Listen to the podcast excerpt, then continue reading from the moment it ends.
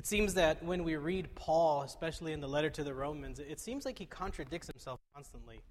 So, on the one hand, he says we're justified by faith, and then he says, but you're not doing away with the law. On the other hand, you will see today that he says the law doesn't save you, but then at the end, he finishes with, but that doesn't mean we throw away the law. So, this morning, I want us to kind of focus in and um, allow the Spirit to speak to you um, where you are.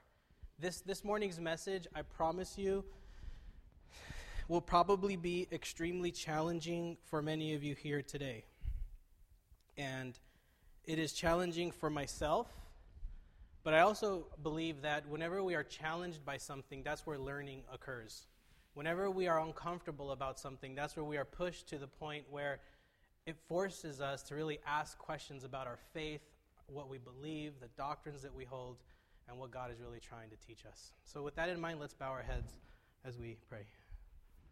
Heavenly Father, we want to thank you so much for your love, for your mercy, and for your grace. We want to thank you that you allow us to worship here this morning. We want to thank you that we have your word. So now, Lord, we pray that you would speak into each one of our hearts as we delve into a difficult part of Scripture. In Jesus' name we pray. Amen. So this morning we are coming to the end of chapter 3 in the book of Romans. And what you're going to find is that the first part of the book of Romans is going to kind of end here at the end of chapter 3. And um, you'll see how that works out in just a moment. So I want to begin in Romans chapter 3, verse 9. And Paul says, We have already charged or learned that all, both Jews and Greeks, are under the power of sin. And I want to stop there for a second. For the last three chapters, Paul has been making the point that it's not just Gentiles, unbelievers, non Jewish people who are sinful.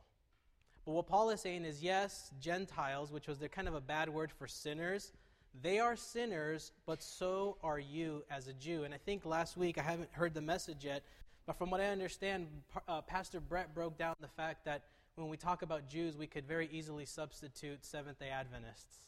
So, in a way, Paul would say, For we have already charged that all, both Seventh day Adventists and everyone else, like as in Greeks or Gentiles, are all under the power of sin. And it is written that there is no one who is righteous, not even one.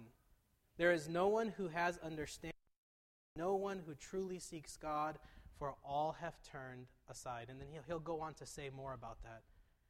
But what Paul is saying as he kind of gets to the conclusion of his argument for chapters 1, 2, and 3, every single person, whether you are a Christian or not, whether you are Seventh day Adventist or not, whether you are the best Bible believing Christian, or if you're an atheist that doesn't believe in God at all, you are all in the same place, you are all under the power of sin. No one can really boast that, well, I'm a Christian and I know better. Because Paul says, sure, you, you may be a Christian and you may know the Bible, but you are still under the power of sin. Because no matter how hard you try, you will die a sinner. Because it's impossible to get rid of sin in your life. You know how I know? Because I've tried really hard to get rid of sin in my life. And yet somehow I still find a way to sin. Because even when I don't intend to sin, what happens? You still sin. So no matter how hard you try, and in fact, the more you try, the more you realize, you discover the more sins in your life that there are. Because even if you're feeling good about not sinning on one particular day, or maybe there's one sin that you've been struggling with, and that day you don't do that sin, what do you do? You feel good about yourself because you were able to resist the power of that. And when you feel proud of that, that's your ego, that's pride, and the Bible says that that's sin. so no matter what you do, you are a sinner. And all Paul is saying is look, whether you're a Christian and you've given your life to Jesus or not, Every one of you is under the power of sin. That's why your wife gets mad at you. Notice I didn't say that's why your husband gets mad at you. That's why you have problems. That's why there's drama, because there's sin in this world. That's why there's death. That's why there's decay. That's why there's illness, because there is sin, and there really, I mean, there's nothing we can do about it. That's just the way it is. And that's what Paul is trying to say. Now, he goes on to say this. Now, we know that whatever the law says, it speaks to those who are under the law, so that every mouth may be silenced and the whole world may be held accountable to God. Now, if we were just to take this passage and just, just this one verse, verse 19, I could do a whole sermon about how you have to live a sinless and a perfect life because the Bible says that you will be held accountable to God. If I just took this verse. And we do that. And we've done that. And we if you live long enough and you go to enough you know, hear enough pastors preach, you may hear a pastor say that this is what forces us and makes us have to live a life that lives under the law. But what Paul is saying, because you see, when Paul writes, and with this Greek way of understanding of how the world works, when, when someone who's writing in the Greek, he actually has a flow and a rhythm to how his argument is going.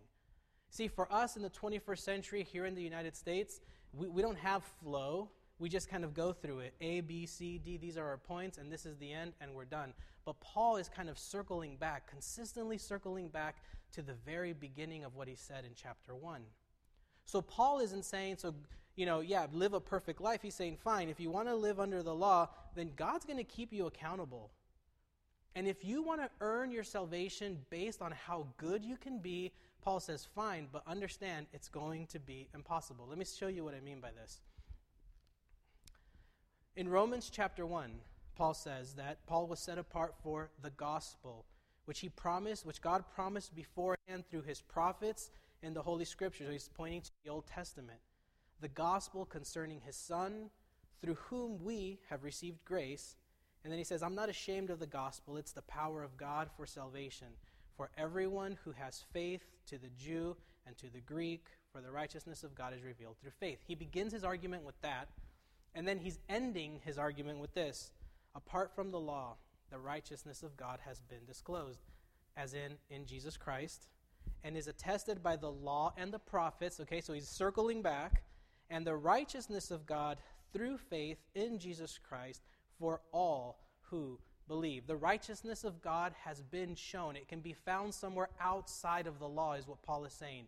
He begins the argument with that, and he's closing chapter 3 with that the righteousness of God through faith in Jesus for all who believe. For there is no distinction, since all have sinned and fall short of the glory of God. How many? Non believers and believers alike? All, everyone has sinned and falls short of the glory of God. Yet they are now justified by his grace as what? As a payment? as a loan, as an advance. No, as a gift through the redemption that is in Christ Jesus, whom God put forward as a sacrifice of atonement by his blood, effective through faith.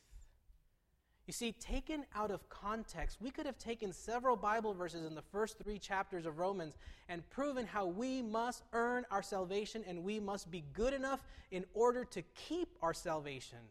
But what Paul is saying is it's almost like a, like it's Paul's kind of way of doing this kind of a kind of judo move in, in how to explain to someone. See, what Paul was doing is he's like getting the Jews to point at all the sinners, but really what Paul was trying to do is say, but you are the same exact way because all, all have sinned. Every single Bible commentary that I read, and there was about seven of them that I've been using so far, all say that for us to truly understand the first three chapters of Romans, we must read this last part of chapter 3 because that's the entire point of what he's trying to say that the righteousness of God the gift of grace and of salvation comes only from God as the one who gives to you, and it's not about how good you can be. Oh, so, oftentimes, though, oftentimes, we take something that's good. Like, come on, none of us are gonna none of us are gonna argue that the first five books, which when when we t- when the New Testament writers talk about the law, they're talking about the first five books of the Bible. None of us are going to argue that it's bad. You know, if you want to live that way, more power to you. It's not easy, it's going to be hard, but more power to you if you want to live by every single law in the first five books of the Bible. And that's great. Live by it, do it, but, but not, do not for one second think that you are sealing your salvation because you're fulfilling more of the law. Do not for a second think that if you fulfill everything, you're going to earn your salvation. Do it because you want to live that way, but not because it's going to gain anything in the eyes of God. But sometimes what we do is we take the Old Testament law, we take something that's good, and then we misuse it in such a way that it distorts the image of God. And it distorts what God is calling us to do. So, my, my best example of taking something good and distorting it is this.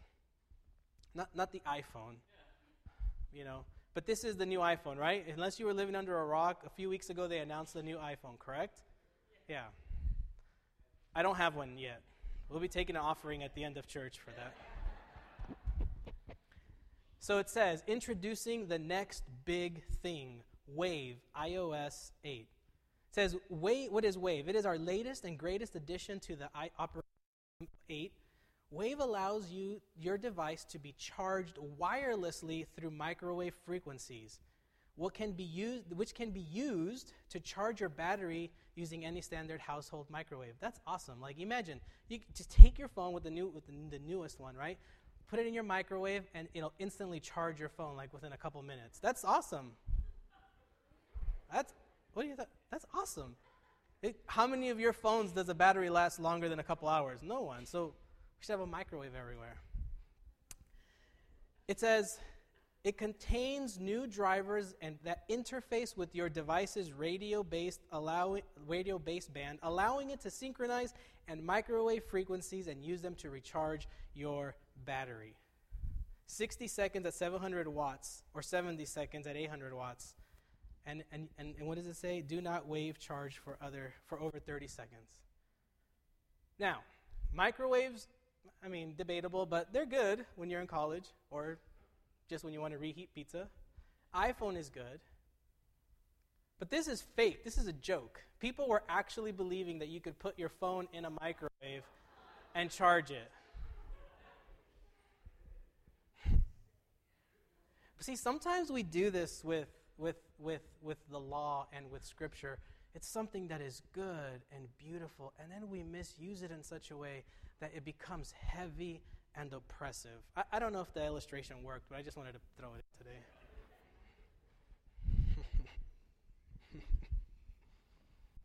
and then Paul says this. This is where he gets into the, the heaviness, the meat and potatoes of script, the veggie meat and potatoes of scripture. that big brick of meatloaf, which I love, of and potatoes of scripture. No human being will be justified in God's sight by deeds prescribed by the law. For through the law comes the knowledge of sin. Now, listen, what this is saying is that through the law comes the knowledge of sin. And yet, so many times, myself included, I sometimes believe that the better I am, that I am, somehow God will see it and say, Well done, my good and faithful servant. Sometimes I think that if I could just be better and good enough and without sin, that God will say, You're in. You really understand. So you, you are into my eternal kingdom. But according to the scriptures, all the law does is it, it makes you see in yourself that you're a sinner. You see, we think the law is about us, but in truth, the law and the scripture is about God. It is about who God is and how righteous and how perfect and how powerful God truly is. Because in light of the law, if we looked at the law, God would pass every single time because he fulfills the law. But you and I, we fail every single time. And he says, no one will be justified. And, and that word justification we learned in the first week is that no one will be cleared of their sins you will not be cleared of the guilt of your sins. The guilt of your sin is death. You will not be cleared of that through the law, but only through Jesus Christ and his atonement, which means that God makes us at one with him. No one will be justified in God's sight by deeds prescribed by the law. The law Can the law save us? No, the law is a thing. The law are a set of rules. The law cannot save you. Only what can save you? Who is the question? Only Jesus can save you. But so many of us, myself included, we feel like we have to justify ourselves every single day and we have to be good and we have to be better because the harder I work, the more God will allow me to stay in His eternal kingdom. But according to the scripture, I'm wrong. According to the scripture, only Jesus can save you. But now, apart from the law, the righteousness of God has been disclosed or revealed and is attested by the law and the prophets. So he's saying all the Old Testament, all the books of the law are pointing to the fact that the righteousness of God can actually be found apart from the law, but rather in the person of Jesus. Verse 22 The righteousness of God through faith in Jesus Christ for all who believe. The righteousness of God is given to you as a gift from God, and really, according to what we see here, all that it requires of you is to accept that what Jesus has done is actually true. That what the Bible says about the goodness of God and his sacrifice for your sins, that that is actually true. And in a sense, all Jesus is saying is just receive that gift. Receive it. There's nothing you can do to earn it. Because the death of Jesus on the cross cost God the most important thing to him, his son. That is expensive. That grace is of immense value. And God does that so that you wouldn't have to die that death.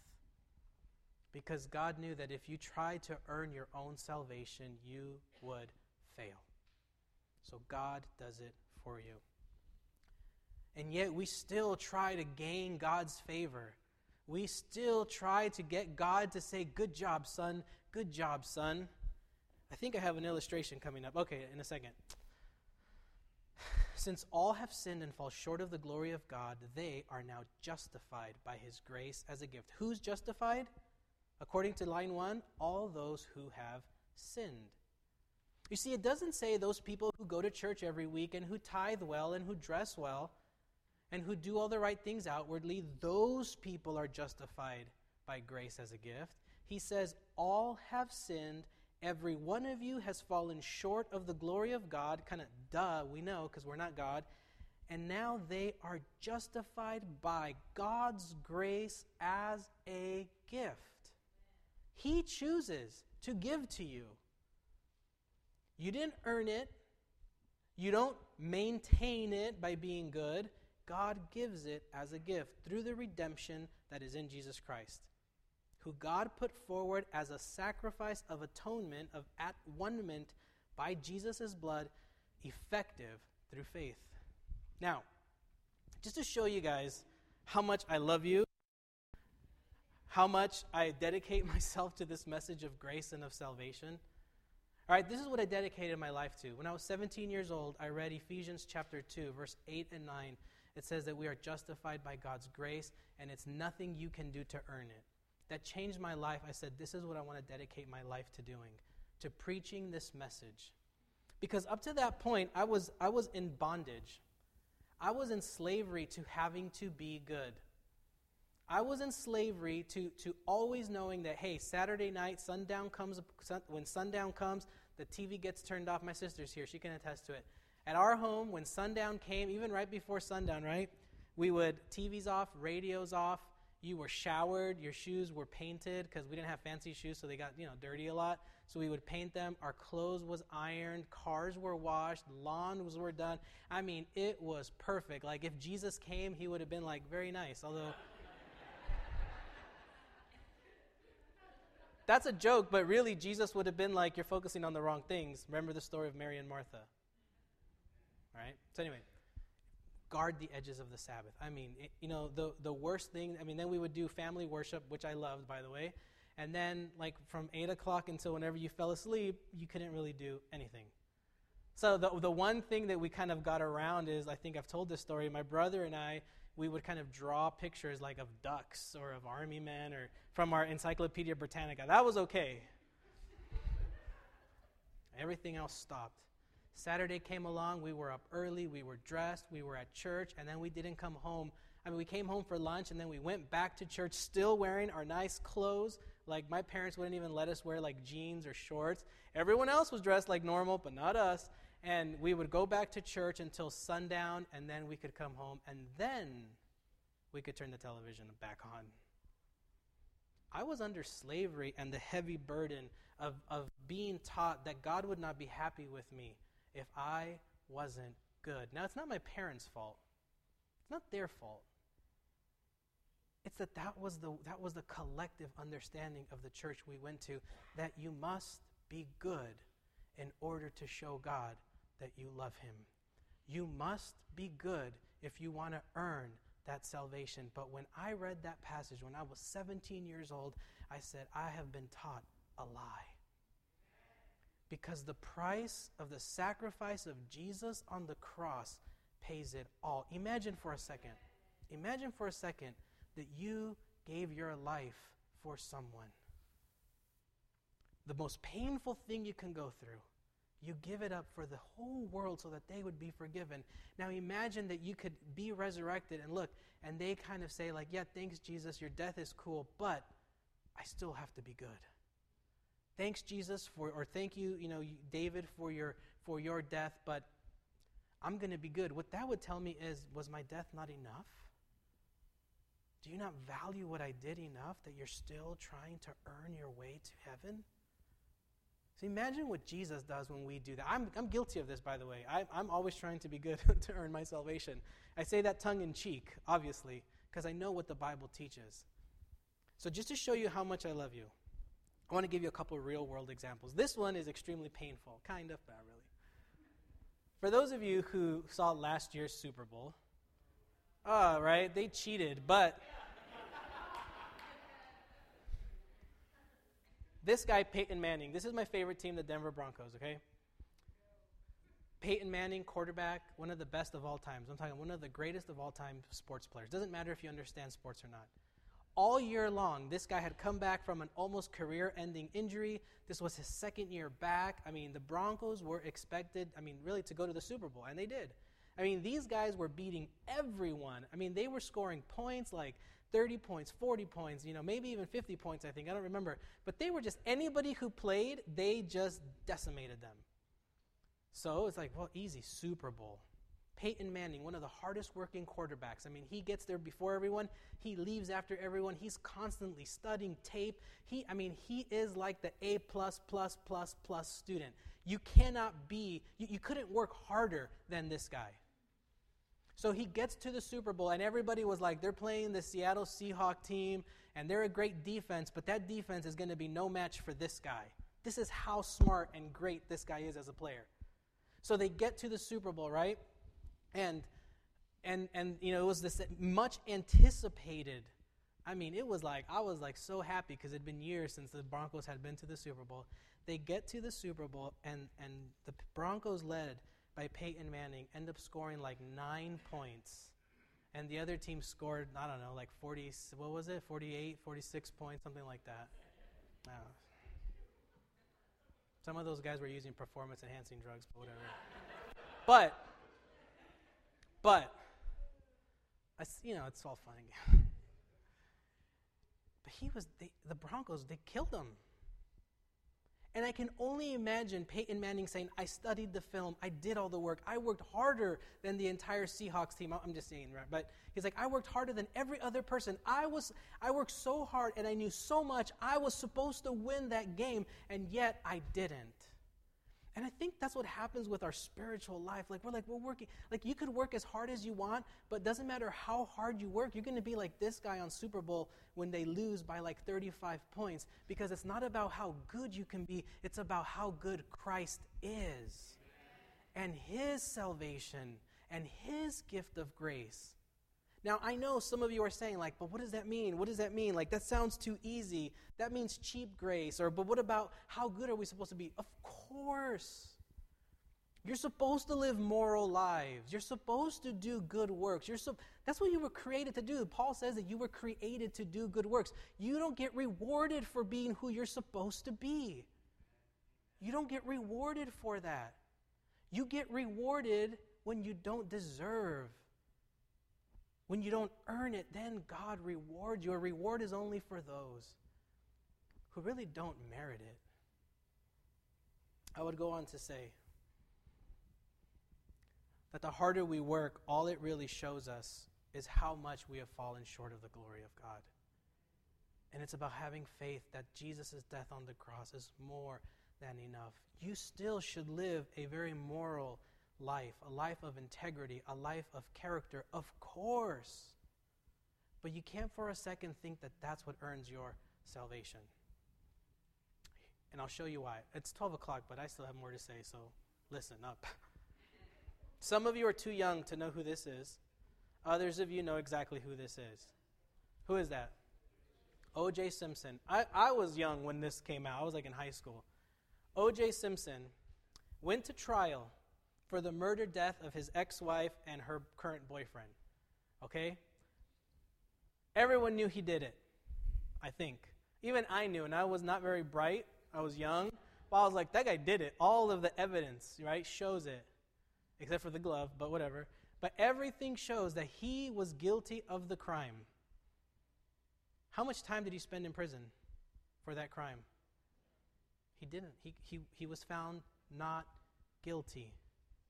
It was an outrage. He was guilty. He did it. And yet he was let go. Now, let me ask you this. This is not an analogy of salvation, by the way. He was guilty. Deserves to go to jail.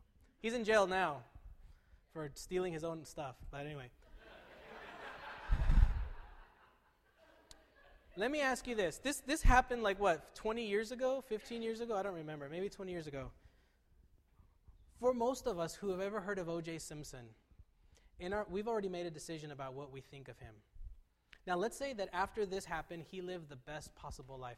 Let's say donated millions of dollars to charity. He helped at hospitals. Let's say that he got married again, had some kids, was a great father. Does that change the fact that he killed someone? He could be the best human being after that, but would that change our minds of how of who he is? It wouldn't change our mind because we'd be like, whatever, dude, you killed someone. You killed two people. He deserves the death penalty. And sometimes when it comes to our salvation, it's like, look, we've done the sins and we deserve death. So it doesn't matter how hard we work to be better it doesn't erase our sins. Your good deeds do not erase your sins. Only the blood of Jesus erases those sins. My other analogy was going to be this one, but who cares? I mean, it's another girl recently in the last four or five years, pretty much, pretty sure, you know, she murdered her two year old daughter and she was let go.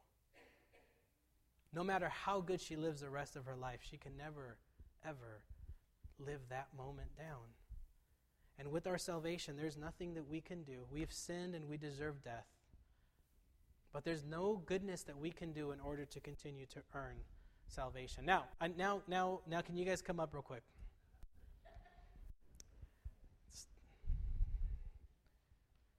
As they're coming up, it says that he did this to show his righteousness because in his divine forbearance he had passed over the sins previously committed, and it was to prove at the present time that he himself is righteous and that God justifies the one who has faith. Now, I don't know if this, this, this makes sense in my mind, because, see, for me, the most important part of life is for us to truly understand what it means that Jesus has given you salvation. That's why we gather here. That's what I've given my life to. So I want to try to illustrate what this looks like when we try to earn our salvation. So let's say it was 19, what year was it? 90, 98. When I was 17 years old. I'll use myself as an example. This is the day I would say that I truly understood grace and salvation. So I would say that in 1998, that summer day, I was saved. Okay, that's how I understand it. We're going to say that this line is salvation, right? So that's that's what salvation, that's the lowest, that's the line where I'm at. Red is bad, blue is good. So we're going to say that this line is kind of the equilibrium of salvation. Now, let's say that on the next day, I sinned. I don't know, I lied, I gossiped, I did whatever. But the next day, I did something good. Just a little bit good. Maybe I said hi to a kid that was picked on. I don't know.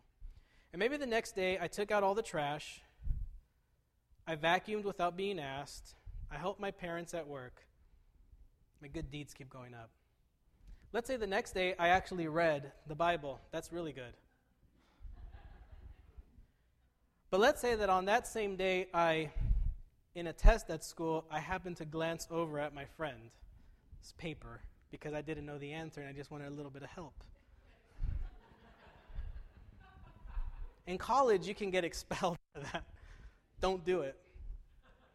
And I sinned. And let's say a couple of years later, I did something I wasn't supposed to. I won't tell you what it is, but it's even lower. And because I felt so guilty of that, I lived a week up here. And then a couple more weeks. But then I did other sins, other sins, other sins. And let's say some of the sins I did were smaller ones, right? Like lying. I talked about someone when I shouldn't have. Looked at a website I wasn't supposed to. Whatever. Downloaded music illegally. I counteracted it with memorizing scripture, listening to sermons, doing Bible studies, going to seminary, becoming a pastor. At what point below this line did I lose my salvation? At what point above the line did I keep earning it?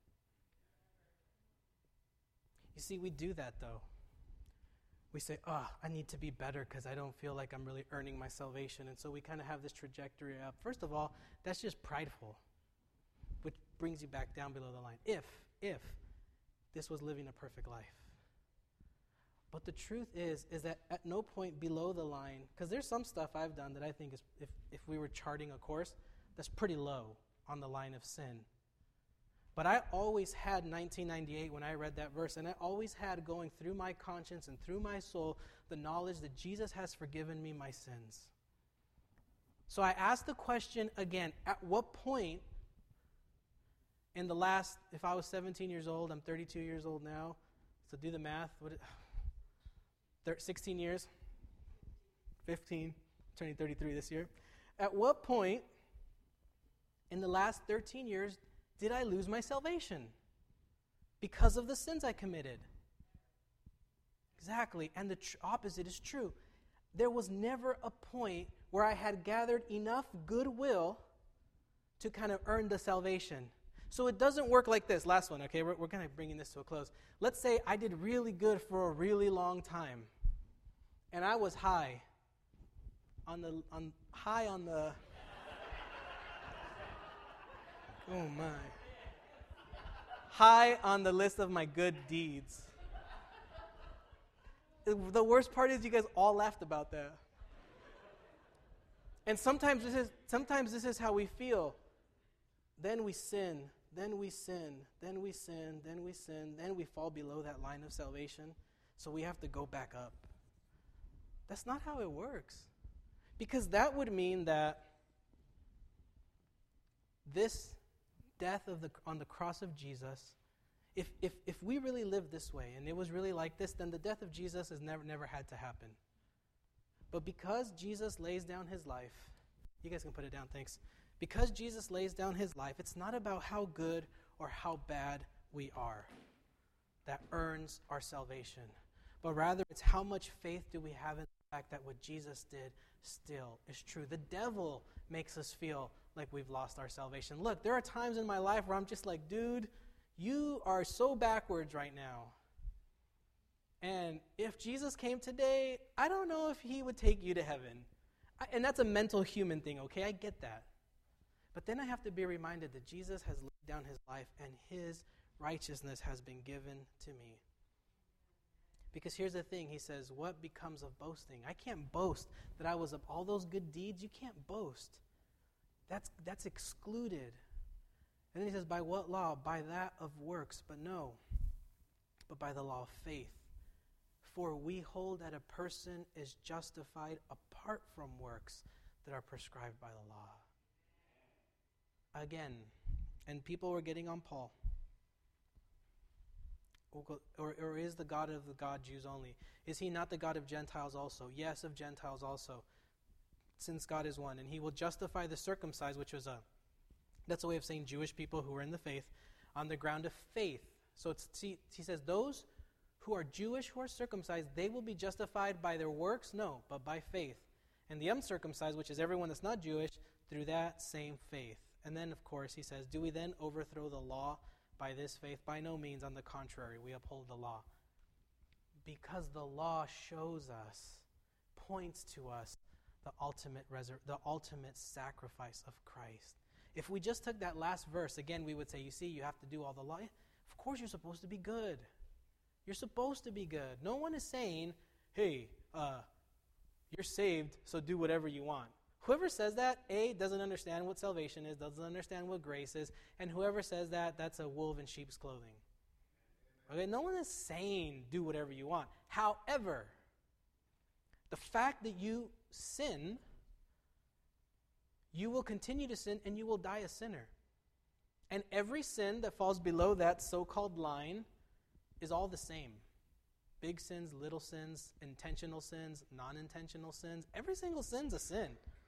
And that's where grace steps in and says, even though you are a sinner, my gift is for you as long as you believe. So I'm going to answer this question. Or, or I'm going to. Can, can I get like two more minutes? So there's this discussion and there's this debate within even our Christian church, even the Seventh Day Adventist Church, where we, we've we've often heard people say, "Are you saying that you that once saved, always saved?" You've heard that, right? Here's the thing if you have truly, truly, truly accepted the death of Jesus into your life, would you ever actually walk away from that? No.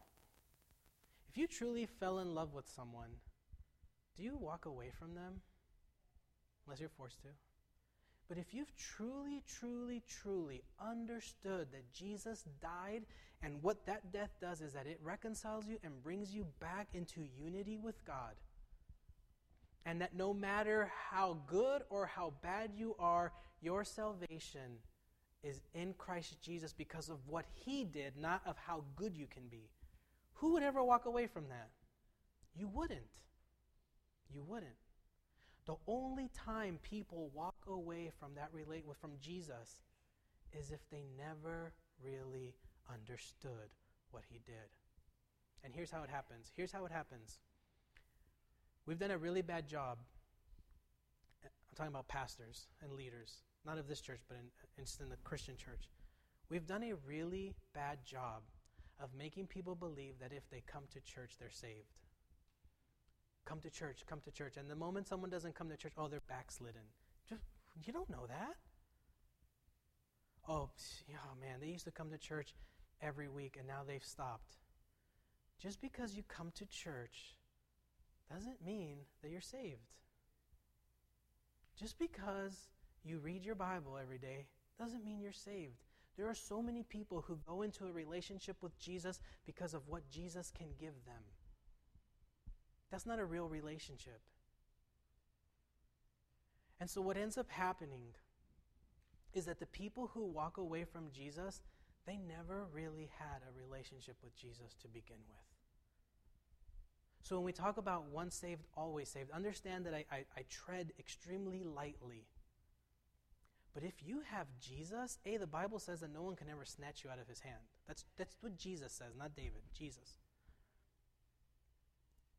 Is the devil stronger than Jesus? Is the devil stronger than God?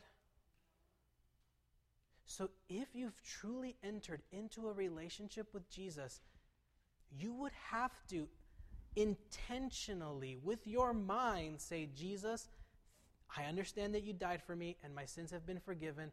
I no longer want that. No one would ever do that. No one would ever willingly do that. So I don't even like the phrase once saved, always saved. Is if you are saved, then I trust that God will keep me safe until the day that we reach his eternal glory.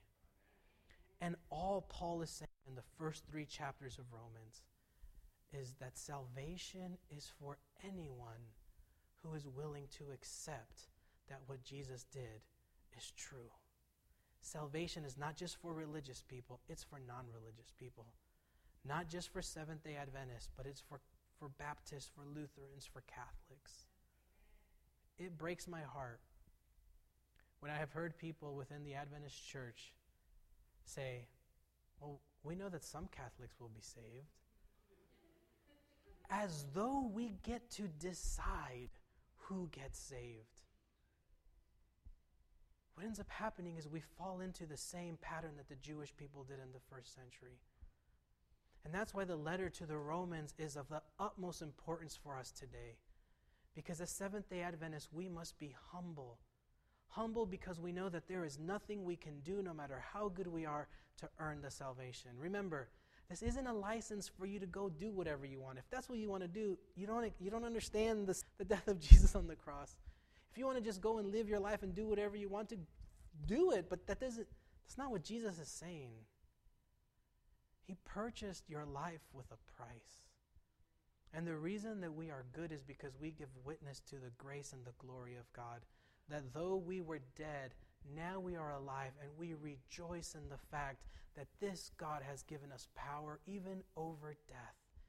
And now we can shine like stars in the darkness. Let's pray.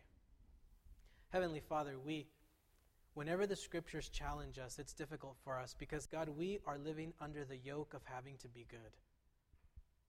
God, we know that when we do bad, there is this feeling of guilt, and when we sin, we feel like we have disappointed you. And so we pray, Lord, that in our efforts to do good and to be without sin, Lord, we pray that you would understand that we're simply just trying to be the best version of who you created us to be because we want to give honor and glory to you. And so, Lord, I pray for those brothers and sisters of mine who are here this morning who were challenged by this message. God, that your Holy Spirit would, the double portion of your Holy Spirit would come upon them and help them to see. Lord, we pray for a spirit of unity in this church now because we are all over the spectrum on, on this particular topic.